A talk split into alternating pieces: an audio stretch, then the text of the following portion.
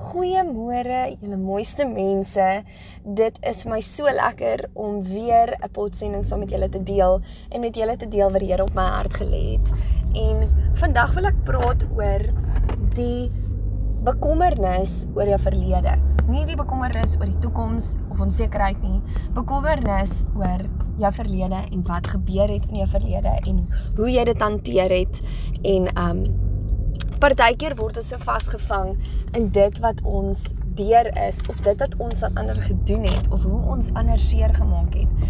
En op die einde van die dag, ons almal weet dit, maar ek ons glo dit nie altyd nie, is dat jou verlede is agter jou. Jy kan niks meer aan dit doen nie. Dit is soos 'n toets wat jy geskryf het en ingegee het en dit is daar. Jy kan geen veranderinge mee gaan maak nie. Dit is wat dit is.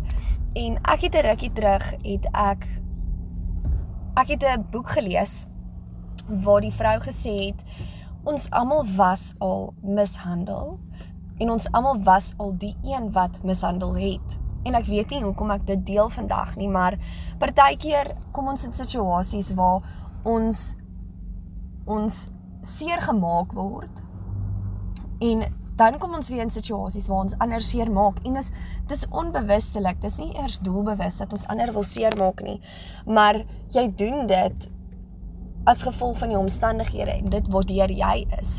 En ek het op 'n stadium met ek 'n vriend gehad wat ek baie seer gemaak het en weer eens onbewustelik seer gemaak het wat ek nie geweet het wat ek aan hom gedoen het nie.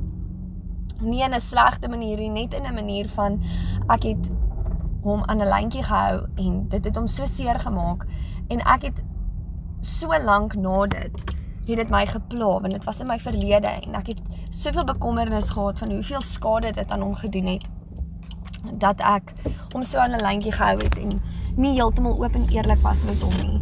En toe kom die woorde net los jou bekommernisse van die verlede agter jou. Jy kan niks meer daaraan doen nie. Jy moet nou net vorentoe kyk en seker maak jy stap vorentoe met die lesse wat jy geleer het in jou verlede en jy doen alles volgens daai lesse. En my verloofde sê altyd, dis is 'n toets wat jy skryf. Jy gaan hom oor en oor en oor skryf totdat jy hom nie die heeltyd vashou en top oor jou foute wat jy gemaak het en jy moet net vorentoe kyk en seker maak jy maak nie weer daai foute in die toekoms nie.